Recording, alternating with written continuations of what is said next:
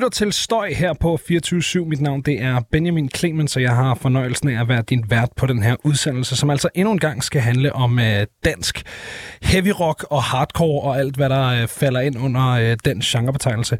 Øh, og i dag, der tager vi en, øh, en lille div-tur ud i noget, som er lidt blødere måske, men så øh, samtidig også er blevet mere og mere smadret. Det glæder jeg mig rigtig meget til at øh, snakke om. Jeg har nemlig fået besøg af Holger og Kasper fra Loose Ends. Velkommen til. Jo, tak. Hyggeligt, I gad at komme forbi øh, studiet. Hvad hedder det? Øh, først og fremmest, må jeg ikke, øh, må jeg ikke bede om at beskrive Loose Ends med, med jeres egne ord?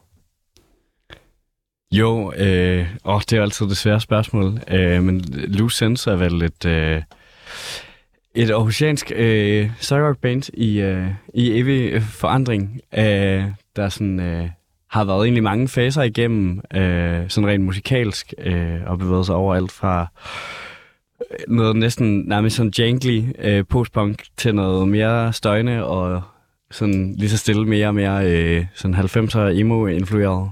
Øh, Og det bliver kun grovere. Ja, og så er det jo det, så er det også vigtigt at sige, det er et band mellem øh, fem virkelig gode venner, øh, og jeg tror, det er også meget en del af, hvem Ends er, at, at vi, øh, vi spiller musik, fordi vi er homies, og har det virkelig sjovt med hinanden, og synes, at, at det er sygt fedt at lave. Var I, øh, var I venner først, eller var I band først? Altså klart venner først, det er sådan, folk er sådan kommet lidt med i bandet sådan efterhånden. Altså det startede med, at, at Lasse og jeg øh, var sådan, okay, vi kan godt lide at høre rock, skal vi ikke selv prøve at skrive noget? Det kan vi da finde ud af, eller sådan noget, og vi har siddet og drukket øl mange gange, og så, du ved, så begynder man at skrive ting, og man fortæller folk, at man har et band, og så lige pludselig er der nogen, der spørger, hey, kan I spille om et par måneder, og så gælder det om at finde øh, en trommeslem bassist ret hurtigt, og, Ja. og så lykkedes det. Øh, men jeg vil sige, det her, men det er jo så også nogle, de folk, der så kommet med, Daniel og Evik henholdsvis, og senere Kasper, er jo også folk, der sådan er kommet igennem fælles venskaber og sådan noget. Hey, jeg kender en, der kan spille det her og sådan noget. Så det har aldrig været sådan, at vi har slået en eller anden ansøgning op. Vi skal have en eller anden trum, trommeslager til audition eller sådan noget. Det, det har været venskab, der har ført os øh, sammen, vil jeg sige. Sådan synes jeg også, altså, det, det, jeg kan ikke huske, hvornår jeg sidst har hørt om en historie, hvor der var nogen, der sådan ledte efter en trommeslager, og så var der en, der skrev, og så var det sådan, så holdt de auditions, eller sådan, Nej. det føler, føles meget som en eller anden sådan film fra nullerne, eller sådan, det, det tror jeg ikke uh, sker så meget i, Det er i hvert de der boomer bands, der gør det. ja. Ja, der hænger sådan nogle, øh, ude der, hvor, øh, hvor vi har øvelokale, der hænger der sådan nogle, øh, sådan nogle plakater med, det her band mangler en frontmand. Så kan man sådan du- trække et nummer og sådan en løbeseddel. Fuldstændig, altså fuldstændig. Sådan noget, kan du synge som øh, ham der fra ACDC, ja. Ja. så tag en seddel og skriv til os. Øh, og så, så er viben ligesom, øh, ligesom sat. Hvad hedder det? Øh, hvor længe, øh, hvor længe har I spillet sammen? Hvor lang tid siden er det, at den der øh, stive samtale blev til øh, noget rockmusik? Altså, det var, øh, det var sådan faktisk... Altså, det er jo snart... Det, det, er jo, det er jo sådan noget seks år siden, tror jeg. Jeg tror, det var, det var i starten af 2017, at mig og Lasse sad på hans kollegieværelse og øh, drak en halv ram bajer og, øh, og sådan begyndte at optage nogle demoer til noget, der lød helt anderledes. Jeg tror, det lød sådan helt goth-agtigt til at starte Okay. Øh, jeg ved ikke, om de demoer nogensinde kommer til at se dagens lys, nok ikke. Men, øh, men øh, ja, så, så er det jo sådan udviklet sig siden der, så hvad kan man sige... Vores første rigtige koncert var i, øh, i sommeren 2018 til Aarhus Rock 2018 på tape Fedt. med seks fede bands. Som ikke eksisterer mere, vel? Nej, tape øh, lukkede i januar 21, som jo så også var midt i corona. Det var så ikke grundet corona, men øh, mangel på mulighed for støtte. Det er en, Ja, ja, ja. Det er en Ja, historie er for sig. Men øh, Helt klart. Øhm, og hvordan, øh, så det er ligesom, det er dig og Lasse, der, der starter det. Hvor, hvor, øh, hvor kender I hinanden fra? Øh, ja, vi havde øh, egentlig øh, lavet noget ungdomspolitik sammen øh, i Aarhus, som vi blev lidt træt af på samme tid, og, sådan, og så begyndte vi, hvad kan man sige, så blev vi ved med at komme der, men kom der mest for at, hvad kan man sige, efter, efter møderne og sidde og drikke nogle øl og snakke om Nick Cave og sådan noget. Øh, og ja, så, så gik vi jo bare til den derfra. Øh, Det er fedt nok, at sådan metaltræthed inden for øh, ungdomspolitik bliver til rockmusik. Ja, og jeg, jeg tror bare, vi fandt ud af, at sådan, der var egentlig nogle andre ting, vi hellere ville dyrke i vores venskab, end det der. Øh, og så, øh, Så du ved, så var det vel også bare den der sådan ungdomlige sådan ting. Ah, vi kan da også starte et punkband-agtigt, øh, som, som så mange andre har tænkt. Øh, og det gjorde vi jo så. så Ja, Det er jo ikke sværere som en, altså. Nej, Man kan bare gøre det. er ikke særlig svært. Man kan vidderligt bare gøre det. Ja, altså jeg har aldrig spillet noget sådan før. Jeg Nej. har virkelig... Øh, Fedt. Og hvad, hvad er det, det tror jeg faktisk ikke helt, jeg har styr på. Øh, er, du, er det bare øh, sang, du har på, Holger? jeg er simpelthen bare på øh, sang og tekstforfatning. Og, øh, Jeg spiller guitar, Du spiller og guitar. jeg er også begyndt at skrige lidt. Men Ja, ja Kasper er begyndt at skrive lidt, det lyder rigtig godt. Ja, fedt. Fedt.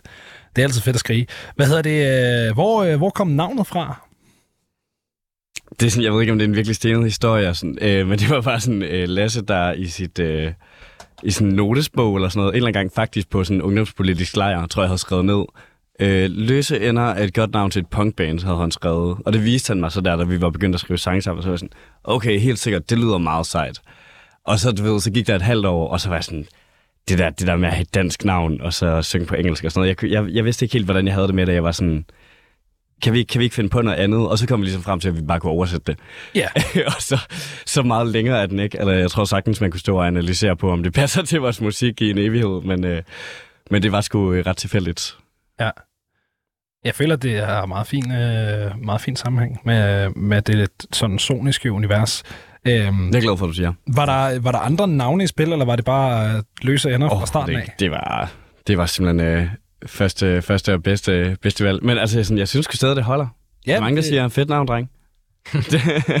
det er et super fedt navn. Det er- altså, øh, super fedt navn. Øh, det er også så fedt et navn, at I øh, næsten deler bandnavn med ret mange forskellige bands. Vidste I det? ja. ja. Øh, har I en favorit øh, som navnebrorband? Mm. jeg, Jeg har, jeg har fundet det tre.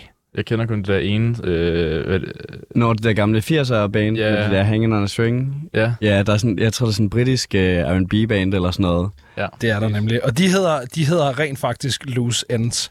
Uh, vi kan lige få et, uh, et klip her af, af det. Men ja, det er nemlig uh, sådan noget britisk R&B fra 80'erne, lyder sådan her.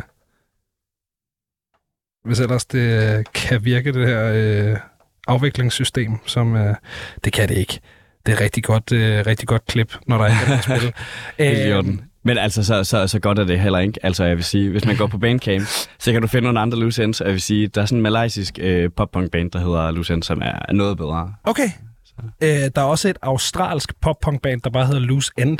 Okay, er de fede? Øh, jeg kan jo prøve at finde deres... De har et nummer her, der hedder øh, Pushing Daisies. Jeg har siddet og bare... Øh, altså hørt, hørt alle mulige forskellige øh, loose ends. Øh, altså som i loose end i flertal. Ja. Meget sådan klassisk øh, pop-punk.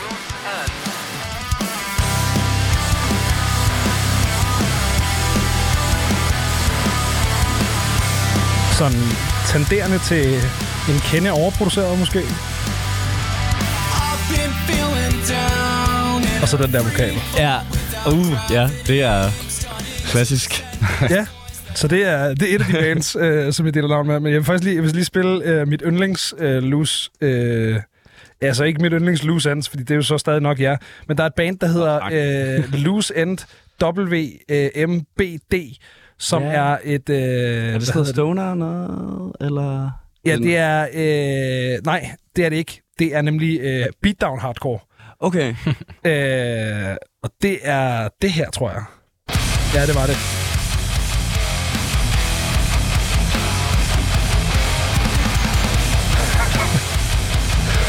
Og det kan jeg godt lide, faktisk. Det tror jeg godt, I vi kan kan lide. ja, det tror jeg, jeg skal.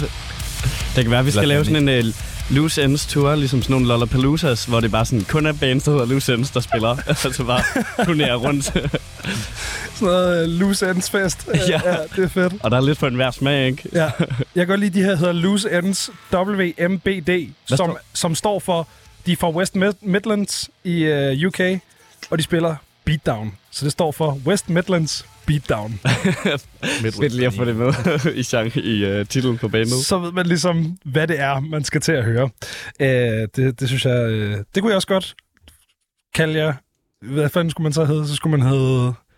Jamen, så er problemet jo, at det vil, det vil, vil blive nødt til at skifte navn løbende i karrieren, ikke?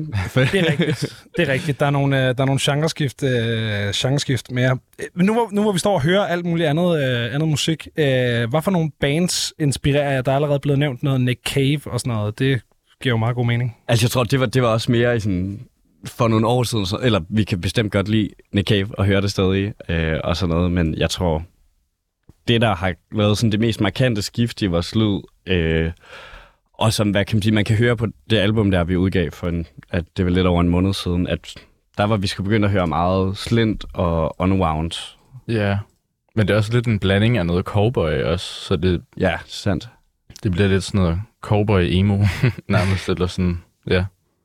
Men sådan de der, de der sådan 90'er post-hardcore støjrock bands og sådan noget, tror jeg, begyndte at sådan overtage lidt fra...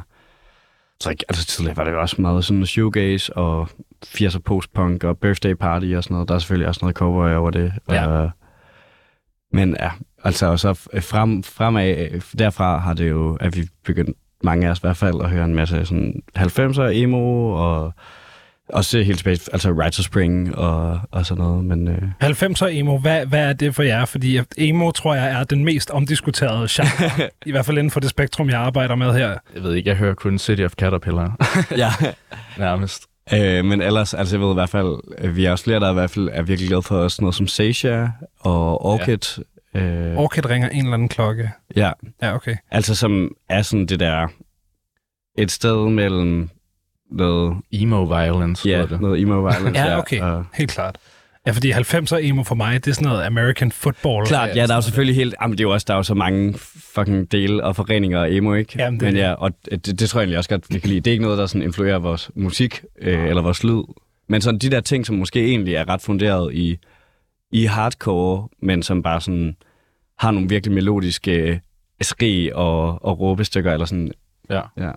Hvordan, øh, hvordan kan man høre det i jeres musik? Det, det er måske et sådan øh, banalt spørgsmål, men Det er nok også, det er jo nok mere det, det kommende album, end det er på pladen. Altså, der er jo også noget på pladen, øh, på A Blaze in Reaction, men ja, nok mere på den næste plade, at det kommer til at kunne høres ordentligt, eller hvad man kan sige. Men altså, man kan vel høre det i, at vi sådan prøver at altså, få sådan en vis, en vis grad af melodi. Ikke at det bliver sådan det smits melodisk, men øh, en vis grad af, af netop noget, noget sangbart og sådan noget.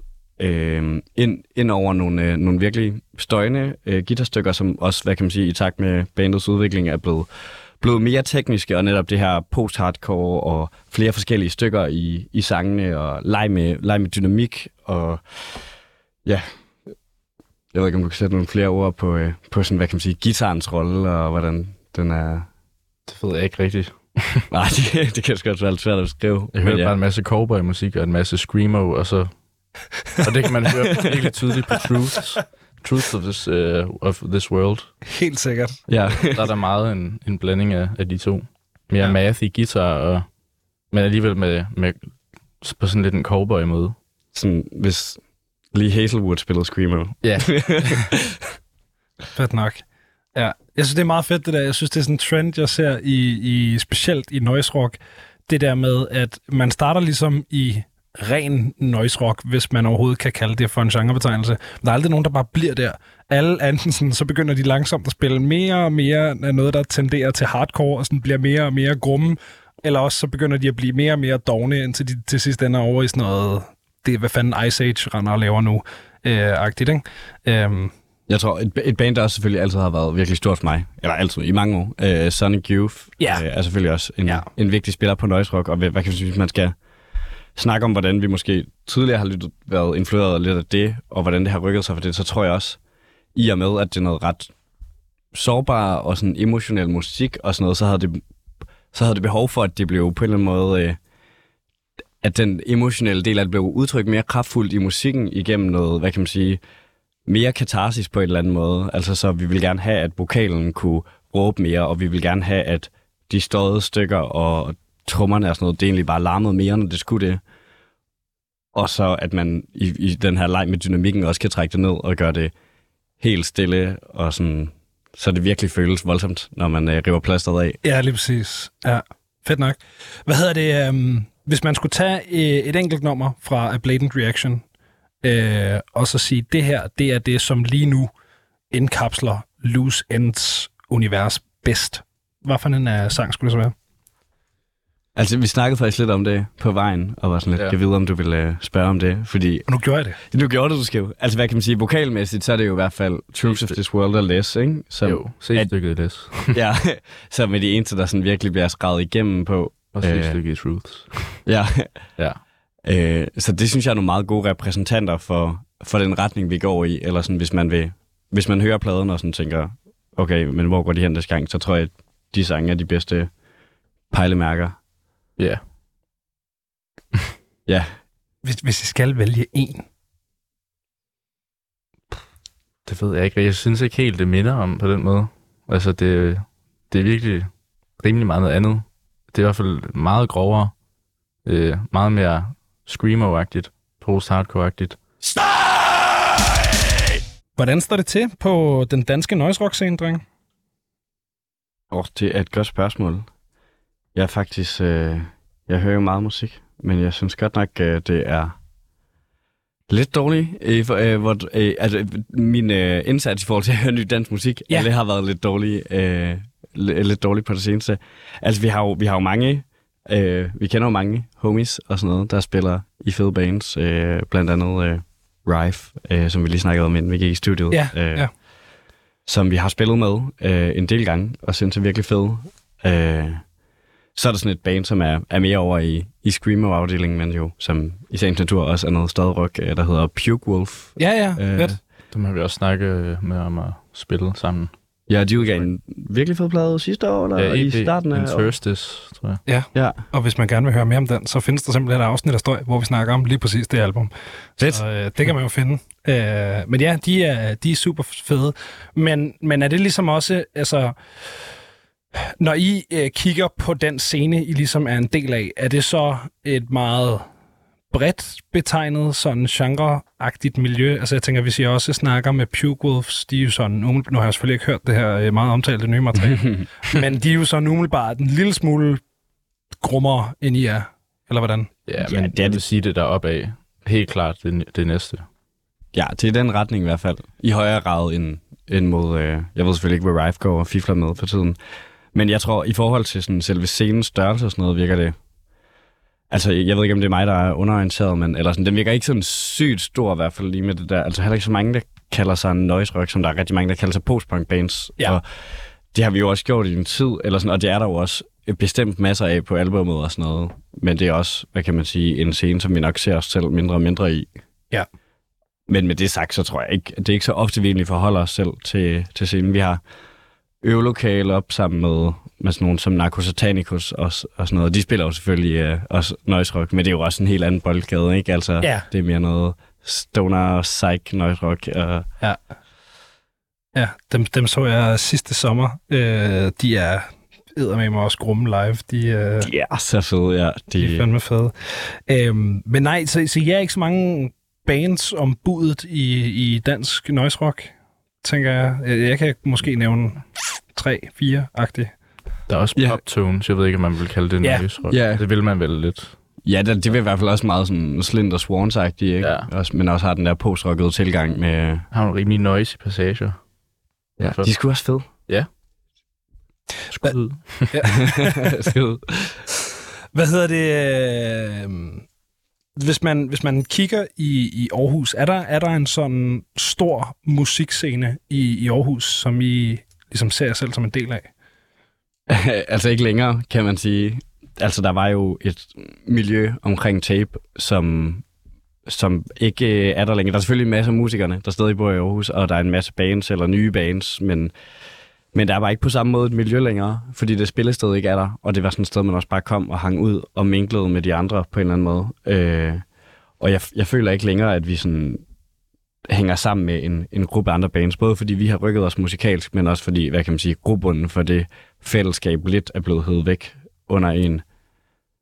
Øhm, og hvad, ja, så kan man sige, så er også mange af de der bands, som, som man måske har startet med at spille sammen med, og sådan noget, som Modest og Young og sådan noget, som også bare sådan ligger, ligger langt fra os nu, som jo i øvrigt også øh, delvist er rykket ud af Aarhus, ikke? Der er, også, der er sgu mange bands, der er, er rykket enten, enten før eller efter tablukket, men øh, der er klart sket noget. Men altså dengang, jeg vil sige for, for tre år siden, der så vi os da selv meget som en del af den scene, og vi har spillet nogle af vores fedeste og, og bedste koncerter på det spillested. Og ja, som sagt også vores øh, debutkoncert. Det er sjovt, hvor meget sådan et sted kan altså vidderligt være en scene, altså hvor der vidderligt er tale om en fysisk scene, som er scenen. Ja. Det er lidt det samme, nu er jeg for ung til at kunne huske det, men når jeg snakker med folk, som er lidt ældre, som er her fra København, der er der rigtig mange, der snakker om, at, at Ungeren, altså den gamle jagtvej 69, mm. Ungeren, havde øh, lidt den samme karakter. Og man kan jo bare se, efter Ungeren blev ryddet, at der sådan, så stagnerede den københavnske punkscene bare, fordi nu var der ikke det der sted at mødes. Ja, ja, så har de fået Dorteavej, og det er også rigtig dejligt.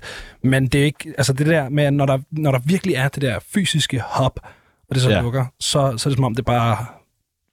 Ja, Altså- altså, folk bliver spredt for alle vinde, og ja, du ved ikke, der er måske også bare folk, der lægger deres projekter i graven og sådan noget, hvis, hvad kan man sige, det, det kan jo være sygt svært, eller sådan, hvis man ikke har det der virkelig sådan, øh, støttende miljø, som, som Tape blandt andet var, øh, som man ofte kunne få lov at spille koncerter til og sådan noget, fordi nu er Aarhus bare en by, øh, derefter, øh, jeg vil sige, med undtagelse af headquarters måske, en, en by, der ikke har særlig mange øh, spillesteder, ud over de regionale spillesteder, som, altså, og hvad kan man sige, de tager bare ikke mange chancer, eller sådan, og det, det er ikke sådan nogen, der lige inviterer et eller andet helt frisk øh, noise rock band øh, med tre 18-årige eller sådan noget, dem inviterer de sgu ikke bare lige ind og spille. Nej. Altså, de skal udgive en plade først og sådan noget, og det tænker jeg, alle her i det her lokale kan skrive under på, ikke er, er lettere sagt end gjort, eller...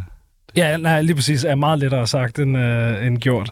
Øhm, jeg, jeg har snakket med, med flere Aarhus-bands, og sådan, Aarhus er ikke den by, jeg har været bedst til at dække her på programmet, hvilket er, der er også noget helt sådan geografisk i, at jeg har stået i, øh, i København langt det meste af tiden.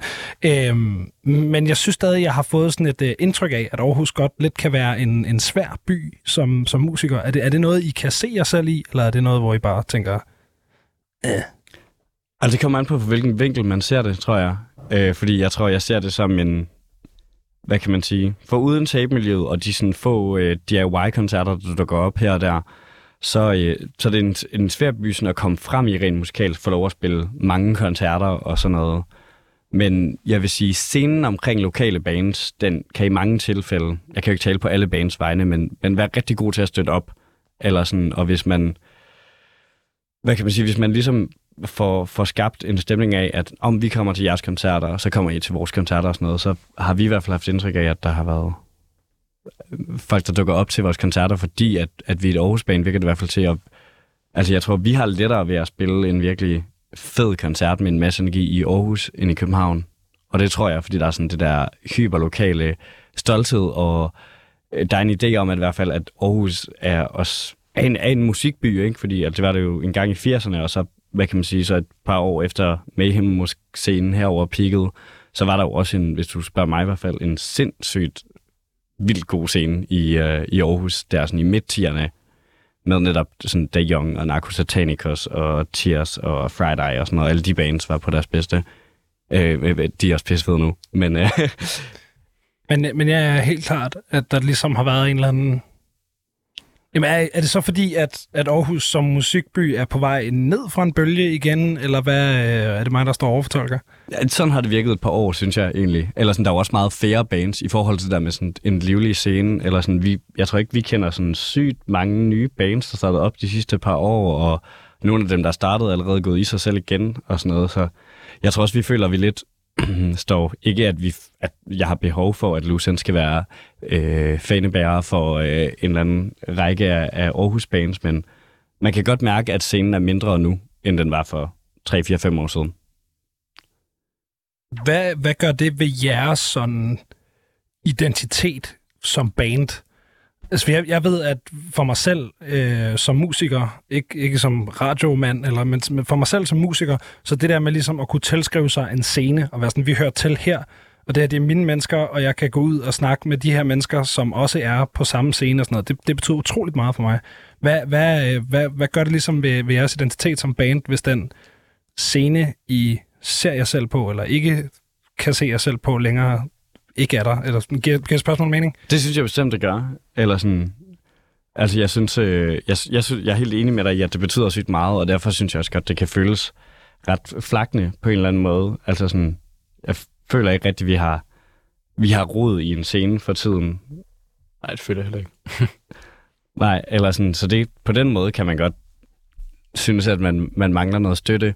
Og jeg tror måske også, det er jo ikke derfor, vi er begyndt at lave anderledes musik. Det er jo ikke for at passe ind i noget, men jeg tror, at nu hvor at vi er begyndt at spille noget lidt grovere musik, så er vi også meget opmærksom på sådan, okay, men altså Kasper har også snakket meget om sådan, vi, vi skal måske prøve at se hen mod os, nogle af de her bands, og så bevæge sig ind i et miljø, så man igen kan få den der, en eller anden form for cirkulær økonomi, hvor man netop kommer til hinandens øko- koncerter og sådan noget. Øh, Ja. Jamen, det tror jeg, altså, det tror jeg 100% på, det der. Altså, det giver jo super god mening. Det, sådan tror jeg, at der er mange, der tænker, at det er sådan, okay, men det er fedt for os med det her album at tage lidt mere af et aspekt i vores lyd i en bestemt retning, sådan så at vi nu kan passe ind i et koncertmiljø. Altså, det er jo sådan helt øh, grundlæggende, hvis man gerne vil ud og spille shows, så bliver man også nødt til at spille musik, hvor der er shows at spille. Altså, Ja og man kan, man kan godt, jeg synes godt, vi kan, vi kan godt føle, at vi står lidt alene sådan nogle gange for siden. Eller sådan lidt in between chairs måske. Jamen, så er det godt, der er sådan nogle bands som Riot og Leisure, som jeg også har, øh, har spillet nogle shows med, Ja. øh, som trods alt er lidt derhen af, ikke? Jo, jo, bestemt. Og sådan... Og fede bands, altså. Sindssygt fede bands. Hvor, hvor, øh, hvor vil vi gerne hen? Altså, nu, nu står vi og snakker rigtig meget om en, en øh, kollapsende scene, eller det ved jeg ikke, det er måske også så meget sagt, men, men, men hvor vil ligesom, øh, hvor vil vi gerne hen? Altså, skal I over at være et, et screamo-band, der tager på øh, Tyskland-turné med Demersal, eller sådan, hvad... Øh, Det ville vi gerne, hvis uh, det er en mulighed. Hvis Ja, det. det være ret. Ja, det ved jeg ikke. Ja, altså, det ved jeg ikke. Altså, jeg tror ikke, øh, vi har ikke sådan sat et, et, en eller anden øh, idé om, at det skal være et endemål, eller sådan, for det er jo bare der, hvor, hvad kan man sige, vores 10 nyeste sange tager os hen. Men, øh, men vi vil da helt klart gerne ud også og komme ud af Danmark og har også, altså, Det har vi også På- snakket om mange gange, ja. ja, Også- men også brugt tid på at undersøge, ja. ikke? Altså, hvor at det er henne, hvor kan man spille sådan noget her, eller sådan, nu, der er, vi kan have været meget opmærksom på, at så er der en, en fed screamo-scene i Glasgow, eller sådan, også har vi snakket om, Ja, kunne det være et sted, man skulle tage hen og spille? Øh, fordi hvis, hvis folk ikke kommer til Screamer-koncerter i Aarhus, så kan det være, at de gør i Glasgow. deres knivstikkerisserate er bare ret høj. Jamen, så skal vi bare føre os ordentligt, skal vi ikke? Det, var, det sagde vi i hvert fald til mig. Det Ja, kan ja. være, det er over for dem, der ikke spiller Screamer. Ja, måske. Det er alle screamo-gutterne, der render og stikker dem, der ikke er screamo gør. Det er derfor, der er så mange screamo-gutter. Det er fordi, folk er bange for at blive stukket ned, simpelthen. Præcis. Det er med truslen om knivvold, at, øh, at folk er begyndt at høre det her. Øh, ja, nej, helt sikkert. Øh, så, øh, så noget internationale ambitioner også. Men det er Bestemt. også, Altså, jeg tror, vi har, vi, har, vi har masser af ambitioner, egentlig. Eller sådan, vi vil gerne blive... Altså, have at folk kan høre, øh, høre det, vi laver, selvfølgelig. Så vi, Ja. skal, vi skal bare ud og steppe, og så vil vi jo gerne gøre det for at, at få oplevelsen, eller sådan helt sikkert. Men vi sidder, jeg sidder og pt. og, og prøver at planlægge nogle sådan helt realistisk nogle interna- internationale shows i, uh, i Nordeuropa til efteråret. Så det håber jeg kommer, kommer igennem i hvert fald. Fedt nok. Er det, er det derfor, I, øh, I synger på engelsk? Er det for at kunne tage det ud af Danmark, eller var det bare det, der gav mening? Overhovedet ikke. Det, er simpelthen, oh, det, øh, det handler om, at jeg tror, jeg vil simpelthen ikke kunne finde at skrive på dansk. Eller sådan, jeg ved som lytter af dansk musik, og, ja, og som sangskriver også, at jeg kan synes simpelthen, at hvis en, en dansk tekst ikke er fed, eller sådan, så ja, det er som om, det er meget lettere i hvert fald ikke at lyde cringe, hvis man synger på engelsk. Eller sådan. Så jeg elsker, når en fucking god dansk tekst rammer, men jeg stoler simpelthen ikke selv nok på mine sangskriverevner, til at jeg vil kunne levere en, en dansk tekst, som folk ikke ville synes var rigtig, rigtig cringe. Det kan jeg godt se. Ja, altså Ja. ja. sådan øh, skud til at, til at gøre det, og gøre det godt. Øh, Rodfæstet med Ice Age. ja, ja, det er et nummer. Ja, På dansk, ja. ja. Det er Øh, også lidt mærkeligt, synes jeg. Ja, den kommer første med. gang. Ja.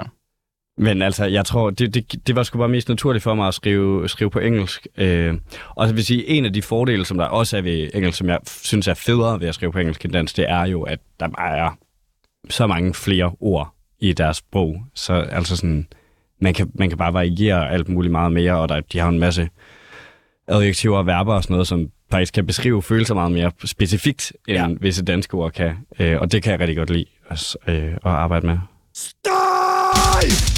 I er jo, øh, I er jo albumaktuelle i disse dage. I har netop øh, udgivet den her debutplade, som vi også har øh, kredset lidt omkring. Øh, A Blatant Reaction, og øh, tillykke med den, først og fremmest. Tak. Tusind tak. Øh, den er jo stadig fedt. meget ny, ikke? Jo, den kom øh, 31. marts. Jeg synes, det føles Ja. på en eller anden måde. På en eller anden måde også lidt øh, som om april har varet for evigt, men ja. Ja. det er også, den er også lige blevet udgivet, og vi, øh, vi fejrer den stadig også. Det eneste fede ved, at øh, vinyler er blevet forsinket, er jo, at man kan fejre den igen, når pladen øh, Ja. kommer forhåbentlig en gang i løbet af sommerferien. Ja. ja, så har man to releases. Woohoo! Sidst. Ja. Så altså, vi, vi, jeg, du ved ikke, jeg er stadig virkelig høj, høj på den. Øh, Ja. Og vi, altså, vi har jo glædet os til at kan lave det her, kan man sige. Det er jo også for at snakke om øh, en Ja, det er jo også en del af det at udgive en plade og, øh, og stå og være helt navlepillende og analysere sin Ja, ja, sådan noget, mens folk lytter på. Og sådan Og noget. corner det her på en skala fra 1 til 10. Ja. Hvad hedder det? Um, hvor, kom, um, hvor kom titlen fra? Mm, jeg kan egentlig ikke... Var det ikke... Vi skrev lidt, mig og Holger, øh, om... Ja, hvad fanden? Jeg kan Ja, ikke bare, huske bare det. forskellige, forskellige bud på sangtitler og sådan noget. Og hvad, hvad kan man sige? Vi kom i hvert fald frem til, at det, det måtte gerne afspejle dyden. Øh, Men også tekstuniverset samtidig. ja, Øh, og hvad kan man sige? Der er det jo a blatant reaction, altså det er noget... Øh, åh, hvordan er det nu? Øh, jeg plejer at oversætte det. Altså det er noget, der er meget øh, sådan umiddelbart, direkte øh, og sådan leveret lidt voldsomt. uden skam.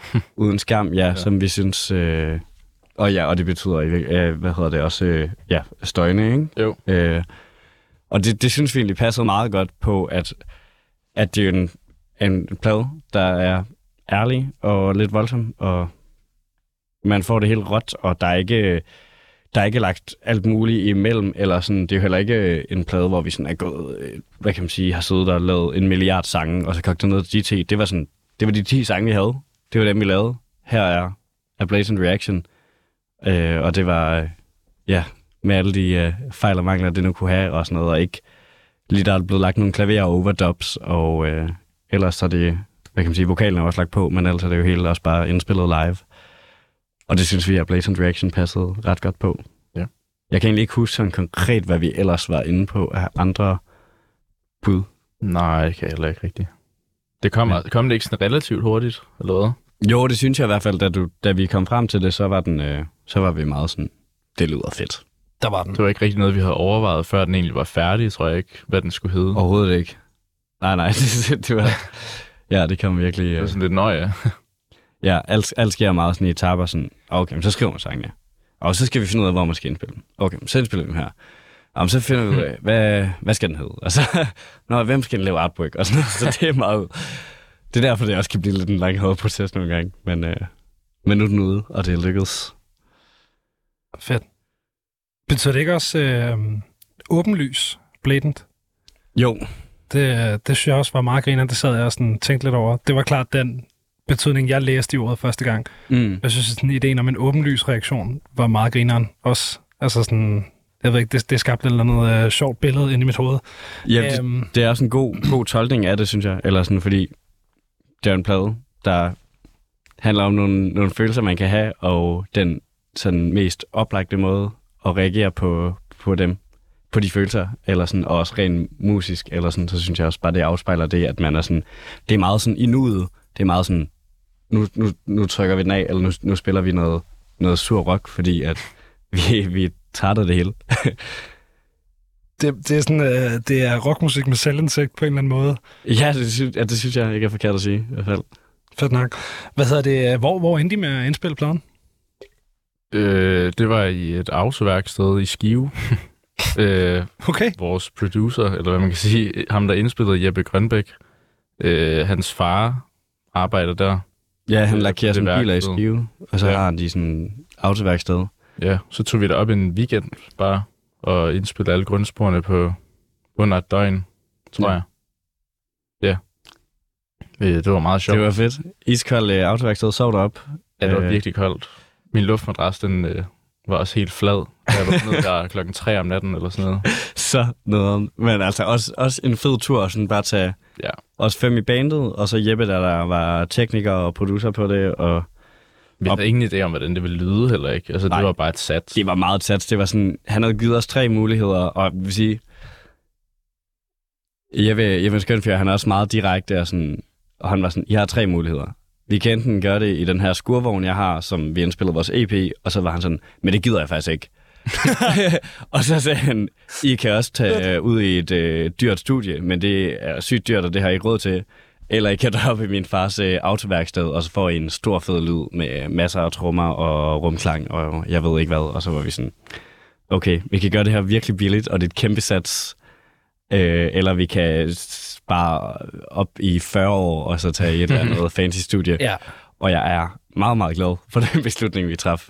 Ja. Både fordi det gik så gnidningsfrit, men sådan, jeg, jeg synes godt, jeg ved ikke, om det er indbildning og, øh, hvad hedder det, sådan noget placebo, men jeg synes godt, man kan høre, at det er optaget i et stort industrielt rum, hvor der ligger en masse værktøj og står en gravko, og jeg ved ikke hvad. Eller, Der står en gravko eller, hvad inde hedder i det, sådan en, en gaffeltruck. En En gaffeltruck. Ja, okay. Ja, øh, var der ikke også en, en bådmotor og sådan noget? Og... Det var der ikke bare en båd derinde? Der var en båd, ja. Der var alt muligt. Det var bare sådan ja. skrammelrum-agtigt. Øh, vi satte bare sådan en forstærker op der, hvor de lige kunne stå og sådan noget. Og Så, så I har virkelig bare lavet sådan en helt DIY-indspilning, mic'et op inde i det her. Ja, præcis. Og så var der sådan et lille rum op ad en trappe, som de har brugt til at, du ved ikke, opbevare skruer i eller sådan noget, som vi bare en sådan 115 kilo tung mixerpult op i, og bare sådan gjort til kontrolrum. Okay, Ja. Ja. Super. Og det var alt sammen bare ting, I havde liggende? Eller altså sådan... Altså ham der Jeppe, der indspillede os, har så... Han har gearet. han har givet, fordi han har haft en skurvogn nede på godsbanen i Aarhus, Ja, okay. øh, sammen med Trader og Modest. Øh, og de har, hvad kan man sige, de har jo ofte indspillet mere end bare demoer, tror jeg. Traders første plade ikke indspillet der, måske. Det tror jeg, den er. Ja. Og sådan noget. Ja, som sagt, vores øh, første EP også indspillet den skurvogn og sådan noget. Ja. Men øh, Okay. Men super. Autoværksted i Skive. helt sikkert kan anbefales. Ja. Det var meget fedt. Fuck, hvor svedigt. Hva, og så sov I inde i værkstedet? Vi så i, ja, oppe i det der kontrolrum. Der kunne lige sådan ligge luftmadrasser til seks mennesker, var vi vel. Ja. Ja. Men Jeg drak vågnede også der, hvor min luftmadras var punkteret, eller hvad man kan sige. Kiggede op i loftet, så var der et lille hul, og det var sådan januar, så det var rimelig koldt. Ja, det var januar sidste år, ja. Og heller ikke særlig godt isoleret alligevel Nej, i sådan et værksted der. Det er sådan nogle værksteder sjældent. Nogle mekanikere rende rundt i flyverdragter Ja. Ja, ja. ja. Ja, okay. Sindssygt nok. Hvad var... Det Øh, godt alligevel. en fed historie. Øh, det er jeg glad for at spørge om. øhm, hvad, hvad var sådan startskuddet på den her, øh, på den her plade? Øh, jamen, startskuddet var vel i virkeligheden, at Kasper, han kom med i bandet i 2020, øh, hvor vi havde gået en del tid og snakket om, at det var, det var ved at være på tide at få endnu en guitarist, eller sådan for at give os nogle flere muligheder og åbne op. Det åbnede op for sindssygt meget jo, så øh, det var ligesom det, der skulle ske, og ja, du ved ikke, jeg lærte dig vel kende igennem i Vik, øh, og ved ikke, Ja, altså vi spillede jo også sammen med mit gamle band, der er inde på Sway. ja, Det, det var måske først sådan, vi lærte hinanden at kende. Så har jeg snakket lidt med Lasse inden, om at sætte et show op sammen jo. Øh, inde på Tape eller Sway. Øh, ja. Så kom så Lasse, gik vi så i opløsning ret hurtigt efter, altså mit gamle band. Så begyndte jeg at hænge meget ud med jer i Aarhus, fordi jeg synes, I var søde. cute. Så måske Dejligt. lidt op til jer. Vi synes altså også, Fordi det jeg var bare en virkelig eller anden lille silkeborgenser. Er det sådan, at det er hierarkiet i Aarhus, der er Aarhusianer, og så er der Silkeborg? Nej, jeg ved det ikke. Ja, så, så kom du med, og så var vi ude Ja. og drikke en masse øl, og Jeg var henne og tisse på et tidspunkt i Mølleparken, ja, hvor vi var ude at drikke øl. Og så var Lasse sådan, ja, skal vi ikke spørge ham, om han vil være med? Han er fed. Og så, da du kom tilbage, så var vi sådan, hey, vil du med og øve næste uge? Eller sådan noget. Og så sådan, ja, mener I det? Mener I det? Mener I det? Men ja, så, så kom... Øh, jeg får, får egentlig svar på spørgsmålet. Ja, så kom Kasper med, og det var så to måneder, inden vi skulle indspille vores EP. Øh, så der kom Kasper med, og nåede lige at være med til at, at spille på indspillingerne. Og så var den jo ligesom sendt afsted i august måned 2020, må det være. Øh, og så det efterår, så var vi bare sådan, nå okay, nu har vi indspillet de her seks sange, øh, så behøver vi ikke bekymre os om dem nogensinde igen. Øh, lad os komme i gang med noget nyt. Og, øh, og så var det jo, at Kasper egentlig var begyndt at komme med en masse, masse fede idéer, og vi begyndte at få de der guitar til at spille op imod hinanden. Så det var i virkeligheden øh, additionen af endnu et medlem, som gjorde, at der skulle skrives nyt materiale? Eller, eller har I også skulle sådan... Altså, jeg tror, det var en blanding af det, og så også, at, bare, at vi lige ligesom havde færdiggjort et projekt. Og jeg tror, at dengang i hvert fald, nu, nu tror jeg gerne, at vi vil have, at det bliver mere flydende, at vi at det bliver mere løbende. Men Ja. jeg tror sådan, dengang var det meget sådan, bum, vi har de her seks sange, vi sådan, okay, kunne de passe sammen på en EP? Fint nok, så arbejder vi frem imod at gøre det. Og så da det var ligesom var afsluttet, og de var indspillet, og de bare skulle mastereres, så var vi sådan, nå, nu skal vi give os til noget nyt. Eller sådan, så det var meget sådan clean slate, husker jeg det som, derfra. Ja, altså det gik da okay hurtigt. Man skulle sige, der var en hver måned eller sådan noget, tror jeg. Det synes jeg er okay hurtigt alligevel at skrive en sang, man er glad for. Øh, It Mustn't Be Over Yet, ved jeg, fra september samme år, jeg kom med. Så den er egentlig ret gammel allerede.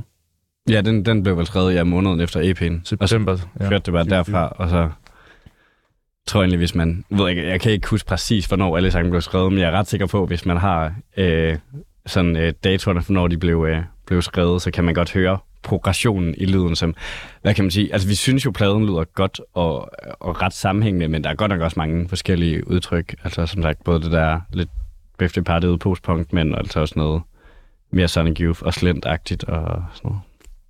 Med masser af cowboy på. Præcis. Ja, helt klart. Har I så, øh, når I har skulle... Altså, spiller I stadig de gamle sange live, eller hvordan gør I det? Altså, øh, ikke den fra EP'en. Nej, Øh, okay. det, jo, Dr- Drainage. Har der nogle enkelte, der råber, Ja. spil Dependency. ja, ja, der er altid lige nogen, der er sådan, åh, hvorfor spiller ikke den længere? Men vi det, plejer at spille et sæt, der hedder Drainage, eller sådan noget, og så pladen, og så nogle nye, og- nej, og så en imellem. Efter Ja. A-siden kommer der en ny, og så spiller B-siden og... B-siden, og så en ny igen. Men ja, så vi spiller en sang fra EP'en, i. men jeg tror, altså, et bud er, at om et halvt år, så spiller vi måske heller ikke den længere. Det, skal, det ved jeg ikke, det kan jeg ikke stå og love noget nu. Men altså, jeg tror, vi er i hvert fald meget opsat på hele tiden at spille det nye, og det tænker jeg, de fleste bands er jo, de vil jo gerne spille det, som, som de er i gang med at lave lige nu og her. Øh, Ja. Selvfølgelig for øje, med øje for, at man forhåbentlig også skal spille et eller andet, som nogen de klapper af. Øh, eller sådan. Jeg synes, jeg synes, det er meget fint lige at spille sådan en single fra EP'en nu her, og sådan noget, fordi vores plade har været ude i en måned. Så det er fint nok at spille noget, som har været udgivet. Ja. Men, øh, men jeg, jeg tror, det bliver udfaset sådan relativt hurtigt. Ja. Også fordi vi er jo bare selv så meget op at køre over det, samtidig med, at vi også gerne vil udtrykke over for dem, der kommer til vores koncerter, at nu lyder Lucent sådan her. Og så må man arbejde med det, hvis man gider. Så I savner aldrig at, at, at kunne spille de der gamle slager, som folk kan synge med på og sådan noget? Nej, altså folk synger der sang med på By the Leash sidst, kan, så jeg også på radar. Nå, svedigt. Så det var egentlig, det var fedt nok. Ja, altså ikke folk, jeg var sanger ret hurtigt at kende. Jeg tror, Fedt. De er jo bare damn catchy, så... Ej, men jeg, siger, jeg, jeg, jeg har virkelig... Jeg har ikke sådan noget behov for at gå tilbage til sådan nogle sange som Jørgen. Og Nej, heller ikke mig. det er sådan, jeg tror også bare, det vil, det vil virke for off i en, i en setliste på en eller anden Ja. måde. Og det er også, øh, jeg tror også, det er det, vi har meget for øje, at vi gerne vil, vil have... Altså, i stedet for at spille en eller anden Greatest Hits-koncert, det er meget fjollet at sige for et band som Lucians, men øh, så, så vil vi bare hellere spille en, en koncert, hvor man er sådan, åh, oh, det giver sygt god mening, at de ja. her sange kommer efter hinanden i den rækkefølge. Og, og det gør det sgu primært, hvis vi, øh, hvis vi spiller det nye materiale. Er det, det må det jo så næsten være, hvis det er skrevet i efteråret 2020, men det er, det er coronapladen, det her, ikke? Den sådan, eller Kan man hvordan? godt kalde det på en måde, eller... Eller sådan, er det et lockdown-album, det her? Nej, det vil jeg sgu ikke kalde det. Eller sådan, jeg tror...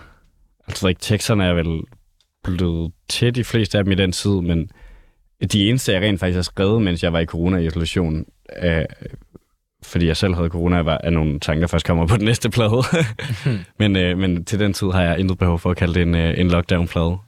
Men det, men det synes jeg bestemt heller ikke, den er nu. Eller sådan, den er, i hvert fald sådan rent tematisk, er den ikke.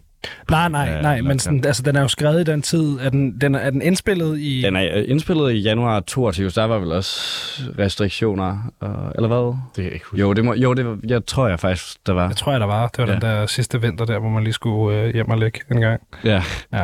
Rigtig dejligt. Det savner vi alle sammen. Lad os snakke mere om det. Vi har snakket lidt om det allerede. Det er blevet nævnt et par gange. Der er flere steder på øh, pladen, hvor man kan høre sådan en country-agtig cowboy-vibe. Øh, det spørgsmål, jeg egentlig havde skrevet ned, det var, er det kun mine ører? Det kan godt være, at jeg bare var arbejdsskadet, og jeg sidder og hører country hele dagen, øh, hvad jeg gør mig ret meget i. Øh, men men, øh, men hvor, hvor kommer den ting fra? Altså, hvor kommer cowboy-viben fra? Mm, altså, vi hørte bare... Jeg tror, vi hørte virkelig meget Gun Club, også på et tidspunkt, sådan alle sammen. Og The Birthday Party, og Crime in the City Solution, bare Roland S. Howard generelt, som jo kører en twangy guitar, eller gjorde. Rest in peace. ja. Men øh, ja, det er Ja. nok der, det kommer fra. Ja, jeg tror bare, vi alle sammen synes, eller sådan, det er jo ikke, fordi vi har et eller andet øh, forhold til at ride på heste igennem øh, Hebrajien, men det er, jeg tror, vi alle sammen bare synes, det lyder virkelig sexy med sådan en guitar med noget whammy på, der var sådan lidt... Swangy. Ja, ja twangy. Lyder lidt som sådan en klapperslangehale, ikke? Og Ja. det, det, det, ja, det lyder sgu bare fedt, og så netop de der bands, som Kasper nævner, har vi bare været, været fans af, og så kan man jo godt blive, lade sig inspirere af det. Øh, og jeg synes også, altså, der er nogle bands, der også har sådan nogle øh, guitar riffs, der bare sådan, lyder som sådan et øh, maskingevær nærmest, eller sådan, det synes jeg bare, det, det lyder virkelig fedt, og virkelig powerful, og det indbyder også, øh, hvis, det, hvis man gør det rigtigt, indbyder det også til noget, kan det indbyde til noget moshpit og sådan noget, som det er jo altid sjovt til sådan en vild rockkoncert. Ja, det, det er sgu altid sjovt. Det kan jeg godt på. Det er altid sjovt med noget moshpit. Øhm, hvordan, hvordan tager man... Okay, så, så sidder vi og hører Gun Club. Hvordan tager man så det der øh, dævn, dævn, dævn, ting, de gør en gang imellem, og siger, okay, nu skal vi passe det ind i det her øh, Screamo-inspirerede noise rock, som jo er loose ends. Altså, hvad, hvad, er det så bare at sige, "Nå, fint, så spiller jeg bare Gun Club-guitar indover, eller har I ligesom skulle passe det til på en eller anden måde? Jeg ved ikke, altså Kasper, det er vel dig, der har, har lykkedes med at, øh, i sådan en sagt som Truth of This World, i hvert fald som jo egentlig, jeg har altid har tænkt som sådan en af de mere noise-rockede og emo-agtige sange på pladen, men som jo faktisk, når du lytter til gitaren, har nogle af de der Ja. præcis detaljer i sig. Ja. Men jeg ved det ikke helt. Det er ikke noget, jeg har tænkt så meget over, tror jeg ikke. Jeg har bare hørt lidt herover, lidt herover, lidt derover, hvad kan man sige. Lidt uh, screamo, post-hardcore og noget cowboy-ryk, og så er det bare smeltet sammen, tror jeg, Ja. på en eller anden måde i mit spil. Jeg tror bare i hvert fald, vi har været, du ved ikke, Øh, altså ja, Og det er Lasse har selvfølgelig også hørt meget af, af sådan nogle ting. ja, og det er jo, hvad kan man sige, det er jo måske heller ikke bare ikke noget, sådan man på den måde diskuterer sådan, åh, oh, vi skal jo prøve at merge et eller andet, men jeg tror, vi, hvis der er noget, vi er bevidste om, så er det måske, at vi ikke vil, lyre, vi vil ikke lyde rendyrket som noget, eller sådan, jeg tror, vi er meget sådan, Der er heller ikke i farzonen. Nå, det er jo godt. Ja. vi lyder ikke som uh, Lee Hazelwood, eller... Ej, det kan jeg så ikke udtale mig om, for det kender jeg ikke. Men, Nej, okay. øh, men, men der, der er ikke sådan, I er ikke et af de der bands, hvor man er sådan, nå, de har godt nok hørt indsat band her-agtigt. Om det er jeg virkelig glad for. Eller også så er det mig, der er historieløs inden for noise rock. Det kan selvfølgelig også være. Nej, men jeg håber da på, øh, på det første, i hvert fald. Den er, den er bedre. Hvad hedder det? Øh, vi har også øh, snakket lidt om det. Altså, øh, universet på øh, Blatant Reaction er markant mørkere end universet på, øh, på Yearning. Øhm, hvorfor, det, vi har været lidt inde på det, men altså, hvor, hvorfor er det den vej, I går? Altså, hvorfor vi snakker om det her med, synes, ofte man ser det der med noise rock bands, og så trækker de enten i den dogne retning, eller i den mørke retning. Hvorfor er det den mørke retning, der tiltrækker jer? Oh, det er et godt spørgsmål. Øhm, altså igen, jeg tror, det handler om, at lyrikken og musikken sådan begynder at komplementere hinanden på en eller anden øh, måde. Lidt, lidt bedre. Øh, fordi at sådan... Ja, også fordi, at jeg tror måske... Jeg kan, jeg kan kun bedre sådan at skrive ud fra mit eget synspunkt øh, om, hvordan jeg har det, eller hvad jeg synes om et eller andet.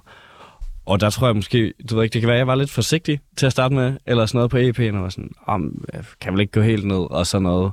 Og så sådan løbende er sådan, okay, men nu prøver jeg at skrive en sang ud fra et eller andet tidspunkt, hvor jeg bare har det virkelig ringe, eller virkelig frustreret over et eller andet, eller virkelig ked af et eller andet, og så prøver man at skrive en sang ud for det.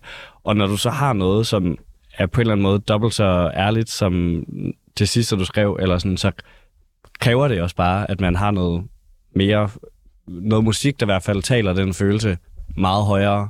Øh, så derfor tror jeg, at det er blevet lidt mørkere, fordi at, at hvad kan man sige, sangene i nu i hvert fald kun tager udgangspunkt i de der følelser af ugidelighed og frustration, Er I, hvis det giver mening. Ja, det giver totalt god mening. Øhm, så får jeg lov, lyst til at spørge, om I selv er blevet mørkere mennesker siden Yearning. Det, det tror jeg ikke. Eller sådan... Øh, åh, det, øh, det er et svært spørgsmål. Nej, nej, det tror jeg ikke. Jeg tror måske bare, at jeg er blevet bedre til at øh, formidle det øh, tekstmæssigt. Øh, og så tror jeg, at vi er blevet også bedre til at udtrykke det musikalsk. Og vi har måske også fået en, altså hvad kan man sige, det kan godt være, at det er en spraglet plade, øh, sådan øh, genre-wise, men i forhold til EP'en er den jo faktisk meget mere koncentreret, synes jeg. Altså EP'en har virkelig mange fors- forskellige ting. Altså sådan åbner netop med sådan et nærmest jangle-poppet nummer, og slutter med et virkelig meget sløvt, drevet, langsomt støjrock-nummer. Det var også den, jeg bedst kunne lide, da jeg hørte jer der første gang. ja, det kan jeg godt huske. Den sløve, drevne, langsomme. Ja. ja. Jeg tror også, jeg har været lidt med til at måske at drage det den vej. Det er mere øh, Helt sikkert. mørke, fordi det har altid tiltrukket mig ret meget. Øh, Ja, altså sådan, at det, det er bare... Øh, det er fedt at, at have noget at hænge sin... Øh, hvis man er lidt trist med at hænge den hat på, eller sådan, og så... Ja, så synes vi, det, det er fedt at lave musik, der sådan spil, taler ind i, i den følelse, eller sådan, jeg tror i hvert fald, vi alle sammen... Jeg tror ikke, vi er blevet mere mørke siden dengang, men jeg tror, vi har... blevet møre. møre, vi er blevet mere. vi er blevet, vi, jeg tror sgu bare, vi er blevet bedre til at, øh, at have et mere skarpskåret billede af, hvordan vi gerne vil have loose ends lyder, øh, og hvordan vi skal formidle det. Øh, og det, det handler måske om, at vi gerne vil have et, et udtryk, der lidt på samme måde som meget af det musik, vi godt selv kan lide at høre, netop kan være noget, man kan finde en trøst i, hvis man er vred over et eller andet. Øh, som det jo er med så meget punk og emo og støjrock og jeg ved ikke hvad. Altså, men, eller du ved ikke, også Elias Smith jo, for den sags skyld. Eller sådan, jeg har det i hvert fald sådan, at hvis jeg er lidt øv og sådan noget, så kan det faktisk være virkelig helende at høre noget lidt øv musik også. Eller sådan, så er man sammen med nogen om det. Og det tror jeg i hvert fald, 100%. sådan lyrisk, er det i hvert fald noget af det, jeg sådan fortæller mig selv, når jeg sidder og skriver sådan, åh, er jeg fucking patetisk, når jeg sidder og skriver de her tekster, og det er jeg sikkert. Men, men, jeg, men jeg har det også sådan, at sådan, okay, men det er måske også det, jeg har, har lyst til at høre, eller sådan, så på en eller anden måde er det jo måske også lige så meget for mig selv. Og for at vende tilbage til det, du egentlig spurgte om, så tror jeg, at det er jeg i hvert fald som lyriker blevet bedre til, synes jeg. ja, så det er ikke så meget, at I er blevet mørkere. I er bare blevet bedre til at formidle de sider, der hele tiden har været der. Ja, Det synes jeg. helt klart. Giver mening. Har I, har I sådan uh, sådan go-to øh, øv-album? Mm. Eller er det, øh, er det sådan fra gang til gang-agtigt? Altså, jeg hører meget Galaxy 500, når jeg har tømmermænd. Ja. Øh, men ellers sådan øh, virkelig øve, så tror jeg Either Or med Elliot Smith hører virkelig meget. Han er virkelig også en, en mand, der kan formå at få det øv. Ja, Eller i hvert Ja, fald, sådan- man kan formå at få det rigtige øv, når man hører Elliot Smith, synes jeg. det er den helt gode triste. Eller Ja. ja. Og så tror jeg, at vi alle sammen også er meget glade for Spiderland med Slint. Ja. Jeg kender ikke, men det kan være, at jeg skal høre den næste gang. Jeg... Åh, det, Det er, synes jeg, du skal. Det, det skal du høre. Den, Ja. ja. er, den er så fed. Ja. Seks sange på en plade. Virkelig fed. Ja. Sådan lidt... Øh, altså, lægger egentlig nogle grundscener og sådan noget til sådan senere post-rock bands. Øh, ja. Og sådan noget som Mogwai og sådan noget, men er bare sådan mere indestængt og ked af det. Øh, ja. Fedt. Virkelig godt. Meget intenst. Meget intens. Det må jeg, det må jeg give et lyt. Hvad hedder det? Um, Udover at der er et skift i lyden, så hører jeg også rigtig meget et skift i vokalstilen fra øh, Yearning for uh, Something Else og til A Blatant Reaction. Oh ja. Uh, hvor kom det skift fra? Øh, det, det kom fra en rigtig sådan, øh, langsomlig vokalindspilning til EP'en, tror jeg, og frustrerende for alle indblandet. Øh, både mig og, øh, og Jeppe Rønbæk, der også intro, øh, indspillede øh, EP'en der, som ligesom kom frem til, at jeg er ikke en øh, specielt øh, teknisk sanger, og egentlig ikke øh, særlig god til det, så det der med på EP'en, EP'en at prøve at synge de der sådan melodiske stykker, og prøve at gøre verser omkvædet til sådan nogle virkelig sangagtige ting. Det fandt vi ud af, det, det, det er den helt forkerte strategi at bruge. Øh, så hvad kan man sige, i slutningen af EP'ens indspillinger var vi sådan, okay, næste gang vi nogensinde bevæger os ud i det her, så skal vi altså prøve helt, en helt anden teknik og strategi af, og komme ligesom frem til, at der, hvor jeg klarede det bedst, der, hvor jeg sang bedst, der, hvor det passede bedst med Ends musik, det var, når der blev råbt lidt mere igennem, og man så sked lidt hul i, om det nu var den fedeste melodi eller sådan noget. Øh, og det hjælper os rigtig meget med at finde ud af, hvordan vi skulle lægge tingene til albummet. Og jeg vil sige, det er kun gået mere i den retning, også med det nye, ja. at det er bare sådan, det fungerer bare bedst med musikken, og det fungerer bedst til min vokal, og sådan på en eller anden måde råbe og skrige igennem, fordi der føler jeg i hvert fald, at jeg kan få udtrykt af det, som vi gerne vil udtrykke, og jeg synes også, at, øh, at det bare lyder bedre. Det lyder meget bedre. Enig. Ja. Du er virkelig god til at skrige. Shrieky Gonzalez, som vi kalder dig. ja. Fedt navn at have. det er fedt nok. Hvad hedder det? Har det været svært at kaste sig ud i øh, sådan hårdere vokaltyper? Mm, altså både og, altså sådan øh, rent fysisk, det ved jeg, at du også øh, kan huske på et eller, andet, et eller andet interview har kommenteret på, at sådan, altså rent fysisk, de første gange, man laver de der, hvor man virkelig skal igennem, der, øh, der kan man mærke det, og det kan man jo også stadig efter en lang øver. Ja. Men jeg er ikke lige så mærket af det et dagen efter en lang øver nu, som jeg var for et år siden, da vi begyndte på det. Så sådan, rent fysisk var det hårdt, men det, det har jeg egentlig tillært mig, og jeg, men jeg har så også brugt tid på at sidde og se YouTube-videoer og sådan noget, how to shriek og sådan noget, ja. så det på en eller anden måde stadig bliver det korrekte skrig, at Ja. det ikke bare bliver sådan fuldstændig hovedløst. Øh, men sådan, i forhold til, hvad kan man sige, den ikke, det ikke fysiske aspekt i det, så synes jeg faktisk bare, det har været sindssygt frigørende. Eller sådan, fordi jeg følte virkelig, at vi knækkede en kode til sådan at indspille vokaler, fordi altså sådan honestly efter den der omgang med EP'en eller sådan noget, jeg var ved at være sådan, skal jeg nogensinde synge i det her band igen, eller sådan noget. Jeg var sådan, jeg var, der var i hvert fald momenter i indspillingen, hvor jeg var virkelig modløs, og nu, nu elsker jeg bare at lave vokaler, og sådan, jeg synes, jeg synes bare, det gik, gik med de fleste i hvert fald sange, gik det meget bedre til pladen, fordi at, ja, det bare føltes meget mere frigørende. Jeg kunne slappe meget mere af, øh, fordi jeg ikke st- stod og jeg overtænkt ting før, tror jeg, og det, det, det gør jeg ikke så meget længere, fordi vi fandt ligesom ud af, at det lyder bedst, når du bare lytter til musikken, og så prøver at tænke, okay, hvordan kunne det lyde fedest at råbe de her vokaler? Ja. Og så er det det, vi gør. Og så er det bare at gøre det, man har lyst til. Agtigt. Ja, så, så alt i alt er jeg bare, er det sådan den største key på en eller anden måde til, i hvert fald min, min rolle i bandets udvikling. Ja. Øh, men selvfølgelig også øh, på den måde til øh, den lyd, vi har begyndt at inkorporere. Det har sgu været fucking nice, vil jeg sige. Ja. Øh, Ja. Jeg kan huske mig, Vig, vi sagde til dig, kan du ikke bare lyde som ham fra Rise of Spring? ja. Det prøvede vi så sådan lidt, men ja, og det gik jo rigtig godt på de ting, vi gjorde. Ja. Og så er det bare blevet ja, lidt mere narlig siden også. Men, Ja. Ja, apropos, I bliver med at snakke om, det er, er mere og mere narligt, og nu var der en af jer, der nævnte øh, i en pause lige før, at, øh, at der er nogle demoer på en telefon. øh, og jeg har ikke prøvet, at der bliver spillet demoer ind, i en tel- øh, ind fra en telefon ind i en mikrofon på det her program før, men jeg er så game på at give det et skud. Lige, indtil videre hedder den her Orchid-chatpile, parentes shitty version. Chatpile.